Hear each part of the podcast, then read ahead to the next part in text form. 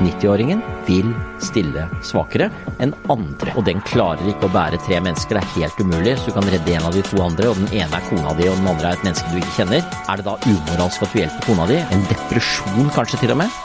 Det krever liv, det òg. Da vil jeg si at det er umoralsk. Her er Stavrum og Eikeland. Henrik Syse, eh, jeg våger å kalle Norges mest kjente filosof, så jeg går rett på sak. Er det moralsk riktig å sette livet til folk over 90 framfor framtida til en hel generasjon? For det første, takk for invitasjonen. For det andre, takk for komplimentet. Jeg, jeg kjenner så mange jeg ser opp til av filosofer, så jeg pleier sjelden å sette meg selv øverst, men setter veldig pris på å være her. Punkt tre. Dette her er jo en type problemstilling som vi egentlig står overfor i samfunnet hver eneste dag. Snakk med helsearbeidere, hvor de faktisk må ta avgjørelser om hvem man skal behandle og hvem man ikke skal behandle. Og eh, helsebyråkrater og politikere som må bestemme hva skal vi bruke penger på. I årevis så bestemte vi oss for ikke å utvide motorveiene til firefelts motorveier med midtdelere. Vi visste at det kostet uh, liv. Uh, jeg vil si det var en gal beslutning. Hva er de riktige beslutningene å ta nå? Det som er spesielt nå, er at det blir særlig dramatisk. Det handler om mange mennesker. Eh, og det handler om kort tid. Ikke minst, vi har ikke tid til å tenke oss om. Jeg vil mene at liv er en verdi som må stå høyere enn andre verdier. Så vet vi at de andre verdiene også har konsekvenser for liv, og da er vi tilbake til spørsmålet ditt. ikke sant? Vi vet at en virkelig stor økonomisk nedgangstid, en depresjon kanskje til og med, det krever liv, det òg. Det er en type påkjenning på mennesker som har fysiske konsekvenser. Og da kunne kanskje noen regne ut at hvis vi nå i stedet for bare hadde latt økonomien gå videre, i større grad latt flere bli smittet, og mange av de mest utsatte for død ville da nettopp vært de du snakket om, 80-90-åringene, eh, eh, de med andre tilstander på forhånd, så ville kanskje på lang sikt færre mennesker dø. Hvorfor tar vi ikke den type trade-off?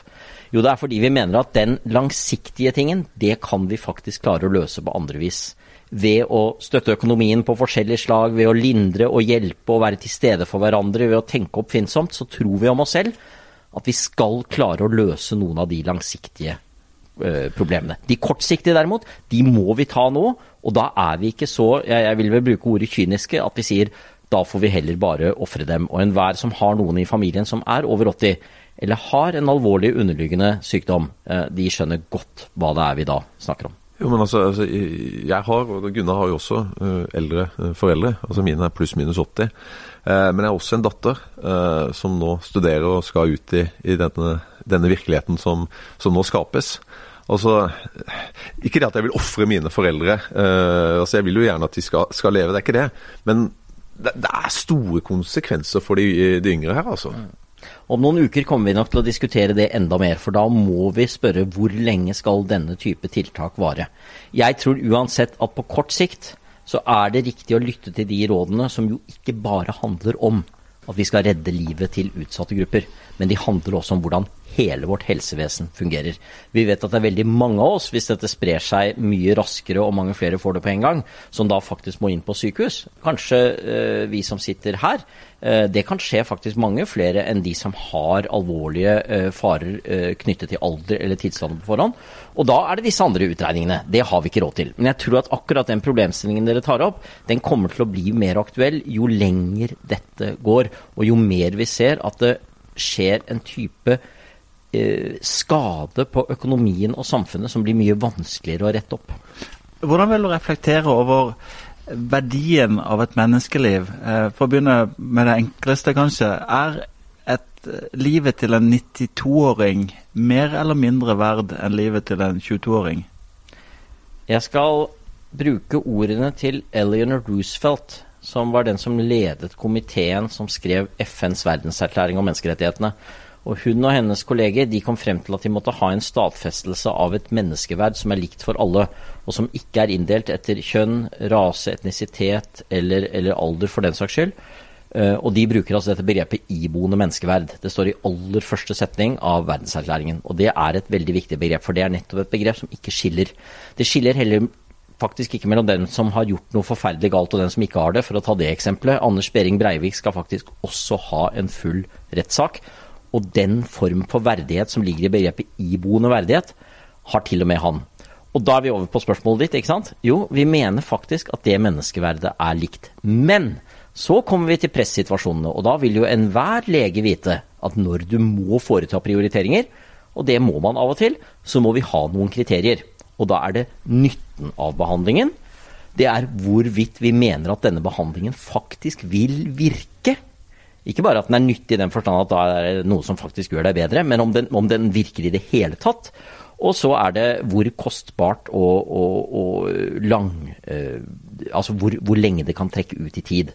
Det er kriterier som eh, er allment anerkjente, og da er det klart at noen ganger 90-åringen vil stille svakere enn andre. Det er ikke fordi vedkommende har noe mindre menneskeverd, men det er fordi generelle medisinsk-etiske kriterier gjør at det er slik det ender opp. Men da er det igjen verdt å merke seg, det er ikke alderen som sådan, men det er disse andre kriteriene. Men folk sier jo veldig åpent at uh, antall leveår er noe man vektlegger. Altså ja. gjenstående leveår. Og hvor kommer det fra?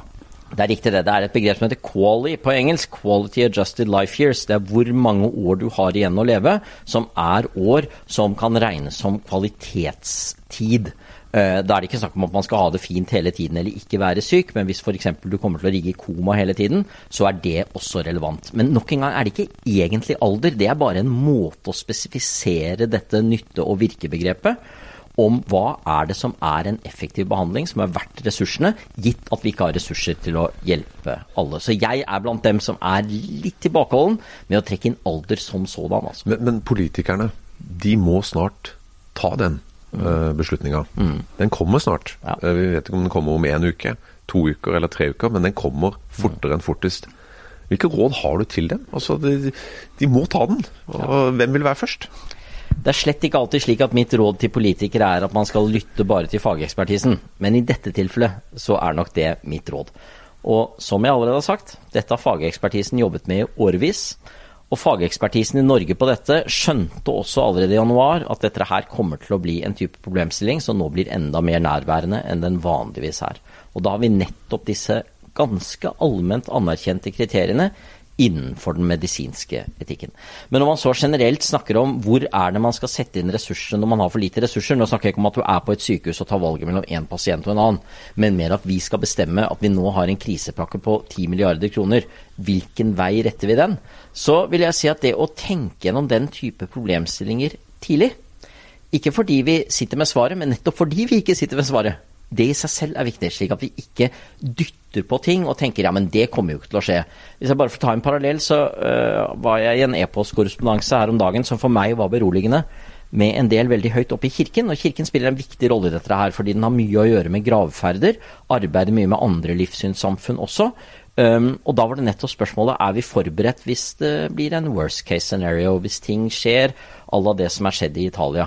Og da så jeg hvor mange mennesker de har satt til nettopp å gjennomtenke disse tingene. Hvordan tar vi vare på verdighet ved livets slutt? Hvordan tar vi vare på helsehensyn sammen med det vi kan kalle rituelle hensyn? Og ikke minst tilstedeværelse for mennesker i livets avslutningsfase. Og da så jeg at dette er mennesker som tenker gjennom ting som kan komme til å skje om to måneder, men det gjør de nå. Så, bare en kort enda. Eh, så du mener at Kirken de er mye mer, eh, bedre forberedt enn det Eh, regjeringen og, og, samfunnet ellers har vært? Nei, jeg brukte det mer som en illustrasjon. Jeg sier ikke at de er noe bedre enn andre, men jeg brukte det som et eksempel på noe jeg har fått innsyn i. Mitt inntrykk fra å ha snakket med folk innenfor helsevesenet, snakket med han Espen Nakstad for eksempel for ikke så lenge siden, er at mye av akkurat det samme har uh, skjedd der.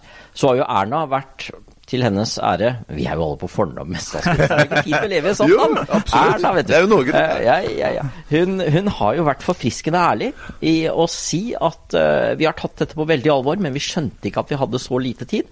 Jeg tror det tjener hennes og regjeringens og politikernes troverdighet at man også er eh, ærlig når man innser at dette skulle vi ha tenkt på før. Det er noe av det som frustrerer oss når vi nå hver kveld hører på Donald Trump, er at han har ikke den form for selvkorreksjon. Og jeg tror de fleste av oss stoler mye mer på mennesker som sier nei, du, det jeg sa for to uker siden, det var ikke så smart, men nå må vi prøve å rette opp det så godt vi kan. Uh, og jeg synes slik sett at vi har grunn til å være ganske fornøyd med myndighetene våre så langt. Hvis vi hopper fra myndighetene til oss selv. Um, folk, uh, folk er jo ganske snart å tenke på hva som er best for de selv. Vi ser jo nå Den store aggresjonen det går jo på om man kan dra på hytta eller ei, og om joggere må ta hensyn ved Akerselva, eller om det skal være lov å drikke øl. Eh, hva er det som skyldes at vi egentlig er oss selv nærmest? Jeg synes jeg ser nå at veldig mange ikke er seg selv nærmest. Jeg, jeg synes jeg ser veldig mye fint, og så spørs det hvor lenge det varer. Uh, og det sier jeg jo dels anekdotisk fordi jeg hører fra folk og snakker med folk, men det er også ut fra ting jeg leser i avisen og får med meg av debatter som generelt går. Og da er vi tilbake til utgangspunktet for at jeg er her, bortsett fra at det er veldig hyggelig å få lov til å være her. Og jeg har til og med vært i karantene pga. en som ble testet positivt. Så nå er jeg endelig ute! I'm free at last! Jeg er veldig forsiktig, altså. Men jeg kan si til alle som hører på at vi har god avstand. Mikrofonen er spritet, her er det ingen fare. Poenget er jo i hvert fall at uh, du, Gunnar, sa at det er fint å få en filosof i studio. Og så kan man tenke hva i all verden er nytten med det, da? Jo, vi har jo et sånt uttrykk innenfor filosofien, det finnes i andre fag òg, men vi snakker om filosofisk distanse. Og det er ikke det samme som ikke å ta spørsmål på alvor, eller å være nærværende og omsorgsfull, f.eks., men det er det å se ting fra et litt annet ståsted. Den store filosofen Spinoza brukte et så ambisiøst uttrykk som evighetens synsvinkel. Og det er nå kanskje veldig ambisiøst, men eh, det å tenke at vi skal nå prøve å se litt mer enn bare det aller nærmeste, og prøve å sette ting i en kontekst, det håper og tror jeg er noe av det vi kan få til. Og en av måtene vi får til det på nå, tror jeg, er at vi faktisk alle er i samme båt, for å bruke det uttrykket. Og det er ikke bare alle oss som bor i Oslo, men det er alle som bor i hele verden. Og det gjør inntrykk. Da skjønner vi at her er det noe vi faktisk må klare i fellesskap. Så er det så hyttene, da, og joggerne og ølet. Det er klart at i en sånn situasjon så er man veldig opptatt av at det som kan fungere normalt, det bør fungere normalt. Og den tanken er jeg veldig sans for. Altså Jeg pleier å si det sånn at øh, sjokade på brødskiva er fortsatt godt. Gled deg over det gled deg over det som er fint. Eh, det er mange dager ute nå det er eh, fint vær. Eh, det blir lysere, krokusen blomstrer. Sånt skal vi glede oss over. Og da kommer den med hytta ganske sterkt inn. For da tenker man ja, men jeg kan jo i hvert fall kose meg der. Eller jeg kan jo i hvert fall få lov til å gå ut på et utested hvis jeg er forsiktig og sitter langt unna og oppfører meg ordentlig og tar meg en øl, eller om man foretrekker en cola eller et glass vin. Og så blir det restriksjoner i sånne ting. Da skjønner jeg for så vidt at folk blir ergerlige. Og da er min eneste oppfordring er Prøv å diskutere de tingene uten aggresjon. Uten massevis av sinne. Det er helt greit å ha diskusjoner. Altså, Vi har jo bare sett i Norge hvor viktige diskusjoner nå er. Fullmaktsloven fra regjeringen. Det var mye fint og riktig som sto i den, men den gikk for langt i den beste hensikt. Og så tok man faktisk en debatt. Turte man å ta en debatt? Turte man å være uenig? Det har vi råd til. Det trenger vi. Også når det gjelder hytter og joggere. Men la oss ta diskusjonen på en ordentlig måte og en, en, en respektabel og respektfull måte. Du er jo en snill mann. Eh, Takk for tilliten. men når du sier at vi er i samme båt i hele verden, så tror jeg den båten kommer til å synke en del steder. Jeg tror ikke vi kommer til å vise at vi mener at eh, en person i Afrika eller i en flyktningleir i Syria er like mye verd som en uh, norsk uh, slektning. Nei, sånn er vi alle sammen. At uh, vi har et særlig ansvar for og en særlig følelse for det som er nærmest. Men jeg er ikke sikker på om det er riktig det du sier. Og nå kan jeg ha en type uh, bias, som det heter på, på fagspråket, at jeg er litt uh, vridd den ene veien fordi jeg jobber med en del av disse problemstillingene til daglig. Men, men, la gå. Jeg arbeider en del bl.a. med Strømmestiftelsen i Kristiansand. Jeg ser hvilken enorm oppmerksomhet de nå har på hva vi kan gjøre for Afrika akkurat nå. Hvordan vi kan være til stede, hva vi kan yte av hjelp når vi ikke kan gjøre det fysisk. Eh, jeg tror at man kan se en dugnad sånn, og dessuten så er det en relativt god mulighet, selv om det ser veldig dramatisk ut nå, for at ting kan begynne å snu i Norge om ikke altfor lenge. Det kommer til å være dramatisk lenge, det kan til og med komme i bølger. Eh, men hvis tiltakene våre virker, så kan vi miste noe av den aller mest dramatiske følelsen. Da har vi følgende. Vi har opplevd den dramatiske følelsen. Vi vet hva det er snakk om. Og da tror jeg kanskje på vårt beste vi kan skjønne enda bedre når andre kommer i den situasjonen. Nå er det å håpe at de afrikanske landene fortsetter å komme seg unna dette uten altfor høye tall, men sjansen er stor for at det sprer seg. Jeg var selv i en flyktningleir i Nord-Uganda for noen uker siden. Og jeg bare ser for meg de menneskene jeg var sammen, ser, sammen med da, og ser for meg korona bre seg. Da håper jeg vi klarer å ta inn over oss den dramatikken, og hjelpe på de måtene vi kan. Så kan vi håpe at uh, innen den tid er kommet noen medisiner. Altså Hvis man klarer å ja, det er et veldig godt spørsmål. Ja. For der er det jo en balansegang eh, mellom det å eh, være håpefull Og det å ikke skape en form for uh, urealistisk uh, optimisme. For den urealistiske optimismen kan føre til veldig rare ting nå. Når folk kan hamstre doruller, da kan jeg kan love deg at de kommer til å hamstre hvis det går et eller annet rykte om at uh, havrekli hjelper. Altså Jeg bare bruker det som et dumt eksempel, men ikke sant, da vil alle ah, skal alle ha det. Og tenk deg nå at Malariamedisin. Ja, ikke sant. Der har du det. Og hvis du tar havrekli eller malariamedisin, og så tenker du at det er noen mennesker som er veldig avhengig av dette, uh, og dette f.eks. er uforholdsmessig dyrt og så stikker alle av gårde med dette og bruker det. Kanskje det til og med har bivirkninger de ikke skulle hatt, det hjelper ingenting. Og de som skulle hatt medisinen, får den ikke. Så står vi overfor et problem. Og så står vi overfor ulv-problemet òg, nemlig hvis man roper ulv, ulv gang på gang, eller i dette tilfellet roper å, denne medisinen virker, denne medisinen virker, gang på gang, så vil det være kanskje at den dagen vi har noe som virker, så har ikke folk tillit til det lenger. Så der må vi finne en balansegang. Når det er sagt, det er en enorm forskningsinnsats som pågår internasjonalt nå, og den handler jo ikke bare om medisin. Den handler jo også om å finne ut hvordan sprer dette seg. Hvordan har det seg at barn får det, men ikke blir så syke? Og de jeg vet om som forsker på dette, her, sier jo at uh, går du noen uker frem i tid, så vet vi en del mer. Ikke sikkert sånn at vi har en medisin, men at vi kan gi enda bedre råd om hva vi skal gjøre. Til det moralske på individnivå. Um, I disse tider så er det jo mange som taper på situasjonen, og så er det noen som kan tjene på situasjonen. Er det moralsk feil å sko seg på de mulighetene som finnes? Det kommer nok en gang helt an på øh, øh, hvordan man, eller hvilket perspektiv man bruker på det. Det kommer jo nesten an på hvilke ord man bruker. For hvis noen sier at 'Å, så fint at du produserte dette fantastiske produktet som vi trenger akkurat nå', jeg er glad for at du tjente penger på det, eller du sier 'Å, nå skor du deg'. Det er jo ikke akkurat noe pent begrep på oss andre. Så, så høres det helt forskjellig ut, selv om det kan være en beskrivelse av nøyaktig samme situasjon. Jeg tenker at hvis det nå er noen som uh, kjører ut pizzaer til folk som gjerne vil spise hjemme, som uh, tjener en del ekstra disse ukene, bless them. Og er det medisinselskaper som nå klarer å komme med, eller farmasøytiske selskaper som klarer å komme med løsninger, er klart at det skal også være noe de kan tjene penger på.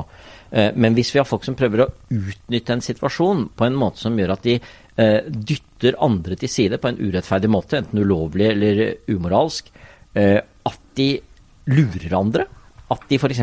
hamstrer uh, varer som de sier ikke lenger finnes, og så plutselig slipper de med, dem ut. Hvor hvis disse varene hadde vært tilgjengelige for noen uker siden, hadde alt vært mye bedre. Tenk deg en som sitter med et kjempelager av noe folk vil ha, og så bare venter og venter og presser prisen opp. ikke sant, Antibac. Da vil jeg si at det er, det er problematisk. Det er umoralsk. Det kan til og med være ulovlig. Hvorfor er det umoralsk? La oss holde oss til moralfilosofien. Hva er galt med det? Fordi det å være uh, i dette tilfellet forretningsmann eller forretningskvinne, drive forretninger, det handler ikke utelukkende om det å tjene penger, men det handler også om å være en aktør i markedet som kommuniserer ærlig og selger produkter som folk faktisk etterspør. Og Da vil jeg si at det er en god del problematiske sider ved det å oppføre seg på den måten. Dette er jo en gammel diskusjon i forretningsetikken. ikke sant? Det er Milton Friedmans tese om at the business of business is business. Det er en enkel måte å si det på, men ikke sant? det er det businessfolk skal tenke over. De skal ikke tenke på samfunn og samfunnsnytte. Men hvis du går Milton Friedman nøyere etter i sømmene, så ser du at han mente jo ikke det. For han mente jo at forretningsaktører er jo nødt til f.eks. å rapportere ærlig. Bare en så grunnleggende ting som man rapporterer ærlig, at man betaler skatt. At man er det man kan kalle en samfunnsborger, for ellers så bryter jo markedsøkonomien sammen. Og jeg er jo blant dem som vil mene at den økonomien bryter sammen når folk også utnytter situasjoner til egen fordel på en måte som holder informasjon tilbake, og på en måte som bidrar til at folk blir villedet. Det, det, vil jeg mene er ytterst problematisk for en fungerende markedsøkonomi. Men man kan vel også se på, på ting som skjer på, fra forskjellige ståsted. Altså F.eks. du går inn i en lokale bakeriet hvor du også kan sitte. Så er det noen som blir provosert fordi at de ser at naboene sitter tett i tett. Uh, mens vi skal jo holde distanse, og vi skal, ikke sant. Mens bakeriet holder åpent, for gjør de ikke det, så går det jo kanskje konk. Mm. Altså, Det er jo litt avhengig av hvor man ser det fra, ja, ja, ja. tenker jeg da. Så, og, og, mange av de tingene vi snakker om nå, finnes det ikke noen enkel løsning på. Uh, det er det ene. Og det andre er, hvis vi tar det veldig konkret med hvordan man sitter på bakeriet, så endrer jo også rådene seg. Nå er, de, nå er de ganske fastsatt. Men de kan jo komme til å endre seg i ukene som går. Kanskje blir det litt mindre alvorlig, men ikke alle fikk med seg at det var litt mindre alvorlig. Nå er jeg kjempesur på det, for du sitter bare en halv meter fra, ikke en meter. Ja, men de sa jo på radio i går at jeg fikk lov, ikke sant. Så det er mye sånt nå også. Og så har du, som du helt riktig påpeker, bakeren som er fortvilet, for jeg tjener ikke penger. Men hvis jeg åpner disse bordene her inne, så tjener jeg litt mer hver dag. Og folk syns jo det er koselig å sitte der. Jeg kan ikke gå bort hvis jeg ser noen som sitter litt for nær hverandre og dytte dem fra hverandre. De er jo i samme familie, og de bor jo sammen likevel, ikke sant. Tenker man sånn. Her finnes det ikke ideelle løsninger. Jeg synes igjen, nok en gang anekdotisk, at folk takler dette her veldig bra. Jeg. Og de takler det med en ting som er ganske viktig. Jeg snakket om filosofisk distanse. De fleste jeg snakker med, også folk som er blitt syke, takler det også med humor. Med smil. Med å gjøre litt narr av det. Hvis noen gjør en feil og begynner å komme mot deg og skal gi en klem eller et, en, en, en, et håndtrykk, så må du avvise dem. Men min opplevelse er at da ler vi. Og vi, vi smiler til hverandre, og vi sier at du, det er en rar situasjon vi er i når jeg gleder meg til å gi deg en, en klem om noen måneder. Uh, så jeg håper vi klarer å takle det på den måten. Hvorfor bruker vi ord som uh, dugnad? vi elsker jo det i Norge, for vi tror nemlig at dugnad er noe som bare finnes i Norge. Eh, ordet er norsk, og for all del er mange som jeg kjenner som er kommet til Norge fra andre land som liker det veldig godt, for det er noe sånn organisert ved norske dugnader. Ved ikke sant at man en gang i året så er alle i bakgården og, og feier løv. Veldig fint det. Men for en som har bodd i USA, så vet jeg at søren, det er et land med mye dugnad. altså Der er det mye voluntarism, som de kaller det der. Så vi skal være litt forsiktige. og reagere på det. Ja, men i Norway we have dugnad, you see, and no one else in the world has that. Det det er jo altså tøys. Masse fine frivillige ting i verden. Men er, det er et ord vi er litt stolt av. Um, og så er det et ord som de aller fleste forbinder noe positivt med. Og da er det en fin måte å formidle det at nå må vi klare det sammen. Og hvis det da er noe som vi syns er herkete, får ikke dra på hytta. Hvis vi tenker at ja, det er en del av dugnaden, så tror jeg vi lettere forsoner oss med det. Det går an å bruke ord som gratispassasjer, eller uh, fenomener som på en måte allmenningens tragedie. At uh, alle er tjent med at alle følger en regel, men eh, individet er tjent med å bryte regelen. Altså, har ordet her på en måte en slags disiplinerende, moraliserende kraft i seg selv? Ja.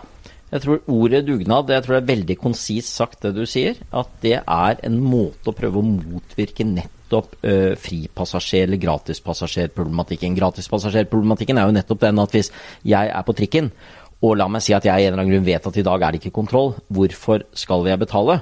Men jeg ønsker jo ikke at de andre ikke skal betale. Jeg vil at alle de andre skal betale, for jeg vil at trikken faktisk skal fortsatt gå. Og jeg ønsker at Ruter ikke skal gå konk. Så jeg syns alle skal betale, bortsett fra meg. Jeg er gratispassasjeren. Og det er åpenbart problematisk. Både problematisk fordi hvis alle de andre tenker sånn, så blir det ingen som betaler. Det er det ene. Og det andre er at det oppleves som urettferdig. Kanskje en annen som betaler har mye dårligere råd enn meg, men betaler likevel. Hva er løsningen på det? Jo, vi betaler alle sammen. Mye greier at vi følger en felles regel. Og jeg tror det er en måte å tenke på som vi trenger akkurat nå. Men, men dugnad, altså det er greit å snakke om nå. ikke sant? Nå har vi bare holdt på i noen uker. Eh, hvis vi hadde hatt dugnad hver uke hjemme i, i sameiet, så, så, tror jeg ikke det hadde vært så, så, hyggelig på de dugnadene. Men vi har det en gang i året, og da har vi det veldig gøy. Altså, Hvor, hvor lenge tror du denne dugnadsånden holder før, altså, før det, det begynner å slå sprekker?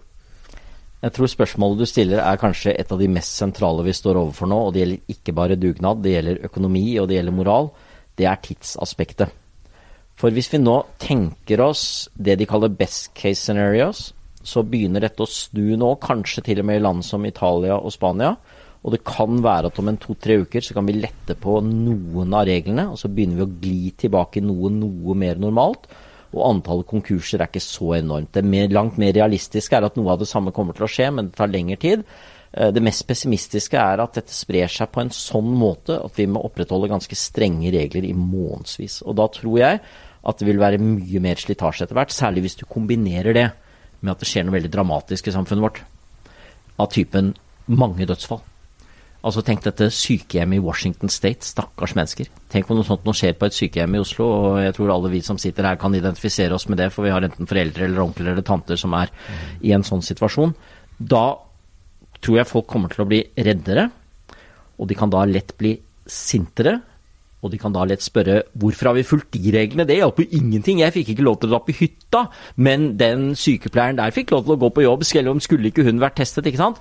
Da kan nok noe av det vi nå ser som er veldig positivt, slå sprekker. Når det er sagt, så er jo dette også et spørsmål om vilje. Det er jo ikke noe som skjer sånn automatisk.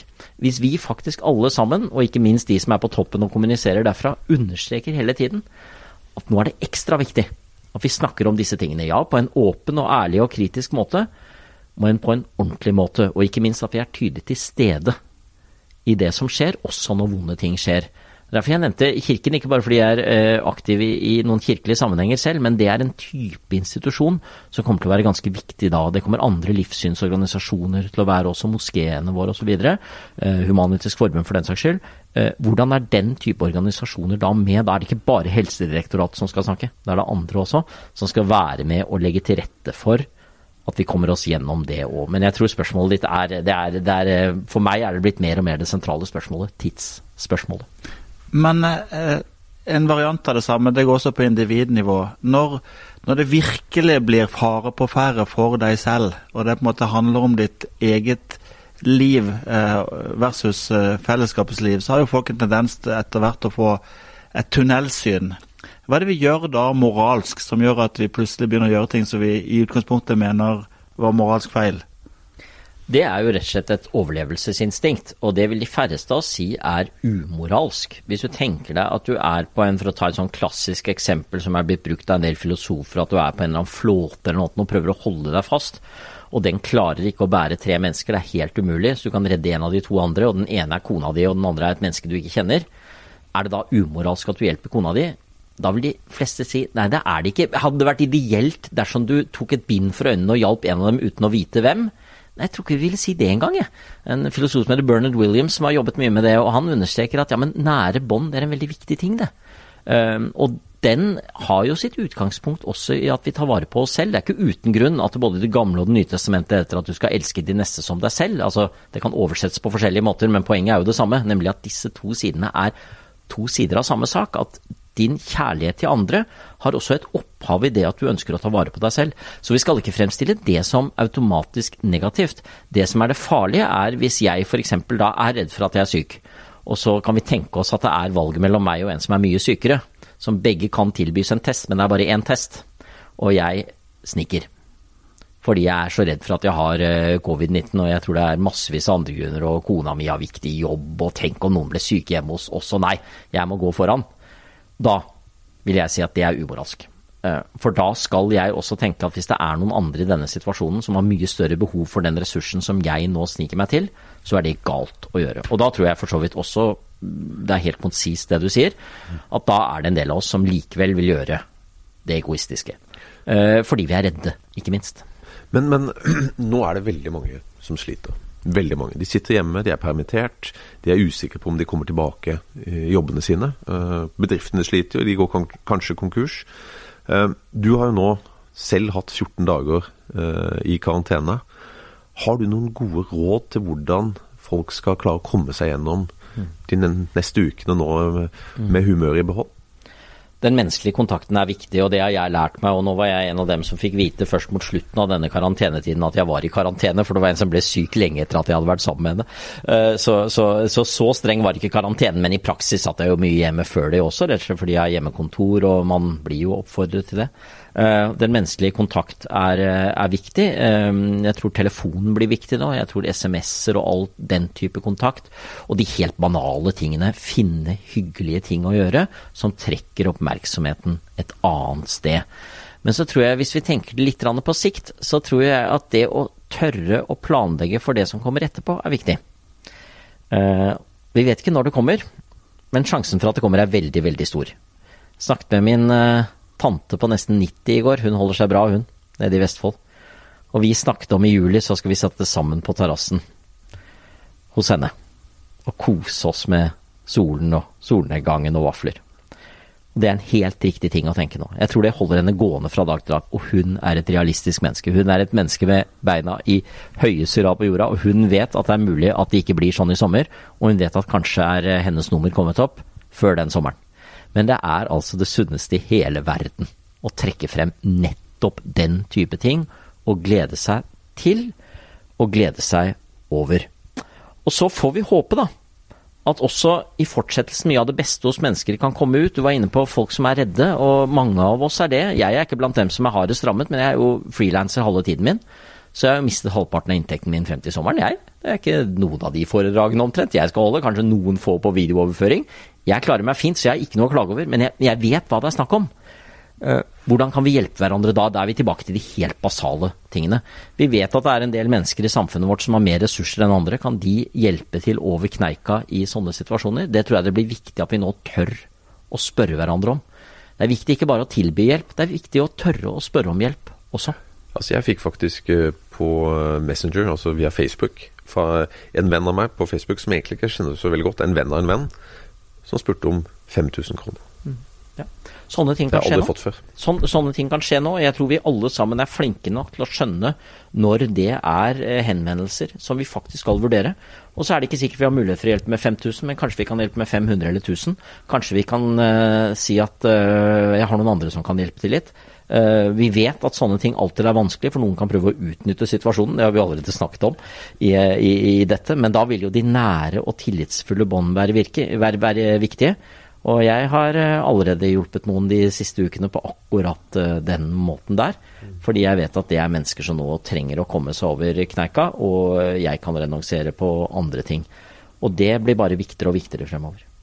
Jeg har lyst til å stille deg tre litt beslekta spørsmål. Spørsmål nummer én, det går jo på Du er jo også sønn av en tidligere statsminister i Norge.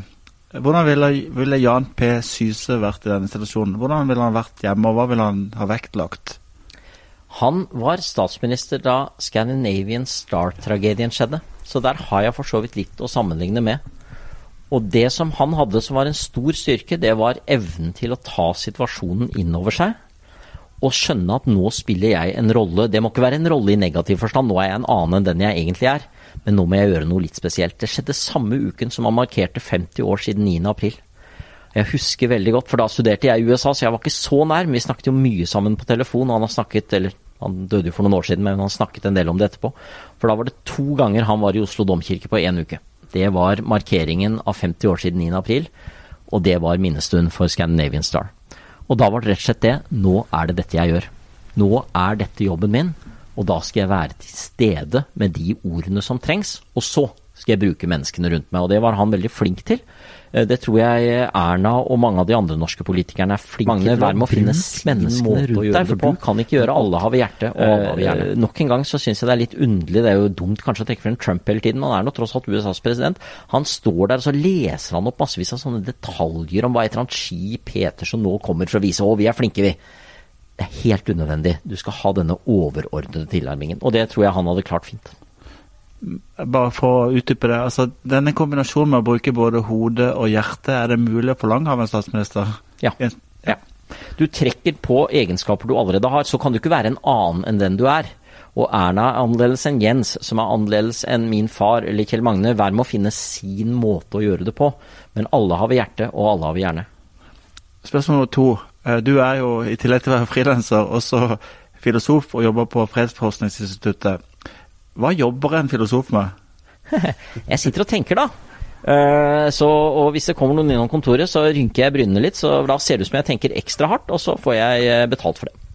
Så det er vel grunnen, den korte oppsummeringen. Uh, men jeg er jo heldig, da. Jeg får lov til å være filosof? på Ja, er, det, er, det, er, det filosofer, liksom. Vi, vi, det, jeg, jeg, tenker noen ganger at tenk om man ikke hadde hatt noen som bare satt og tenkte.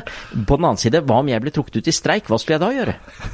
Ikke tenke i det hele tatt. Uh, jeg er da så heldig å være halve tiden min på Institutt for fredsforskning, PRIO, hvor jeg arbeider med internasjonal etikk. Og det er jo det feltet innenfor freds- og konfliktforskning hvor vi ser på nettopp hva bør vi gjøre i krisesituasjonene. Så sånn sett så er jeg i hvert fall heldig å ha fått lov til å forske på og arbeide med ting som er relevante akkurat nå. Og jeg tror filosofens oppgave trenger ikke å være filosof hele tiden. Du skriver og du underviser og du bidrar og du leker med en del andre fag. Eh, jeg har kombinert dette med både statsvitenskap og med eh, teologi og mange andre fag. Eh, men du har den derre oppgaven å skulle være litt mer perspektiverende. Se ting litt mer utenfra, og kanskje også analysere språket vi bruker litt ekstra kritisk. Nå er det jo mange som har veldig god tid i Norge, og som samtidig har blitt mer interessert i moralfilosofi enn de har vært før.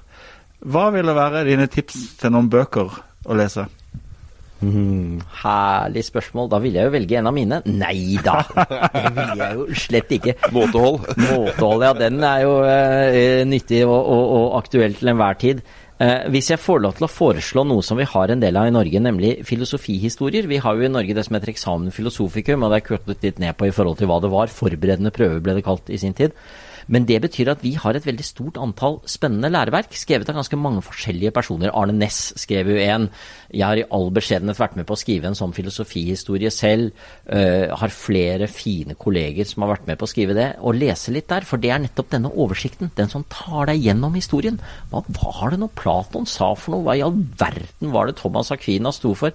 Denne Descartes som noen har nevnt navnet på, hva var det? Og da har vi faktisk flotte ressurser skrevet på et flott og enkelt norsk enkelt tilgjengelig på de fleste bokhandlere og, og, og, bibliotek.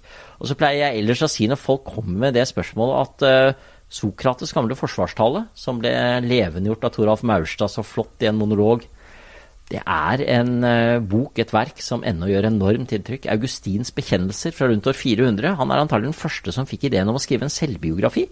Nå skriver jeg om meg selv, gitt. Også fantastisk fascinerende. Og så kan man lete litt på nettet. Det er altså så mye enklere i dag enn det var for 40 eh, år siden å finne gode ting å lese. Det er jo et eh, privilegium i seg selv. Churchill, kanskje? Ja, det er ikke dumt, vet du. De som har skrevet historie. Men som ikke bare skriver historie. Så skjedde det, men så skjedde det, og så skjedde det deretter. Men som eh, tenker hvorfor skjedde det? Det er Churchill, eller for den saks skyld hans forgjenger Tykkedid i det klassiske Hellas, som skrev Peloponnesekrigen. Han skrev ikke bare for å skrive hva som skjedde, men hva tenkte menneskene da de gikk gjennom dette fantastisk fascinerende spørsmålet.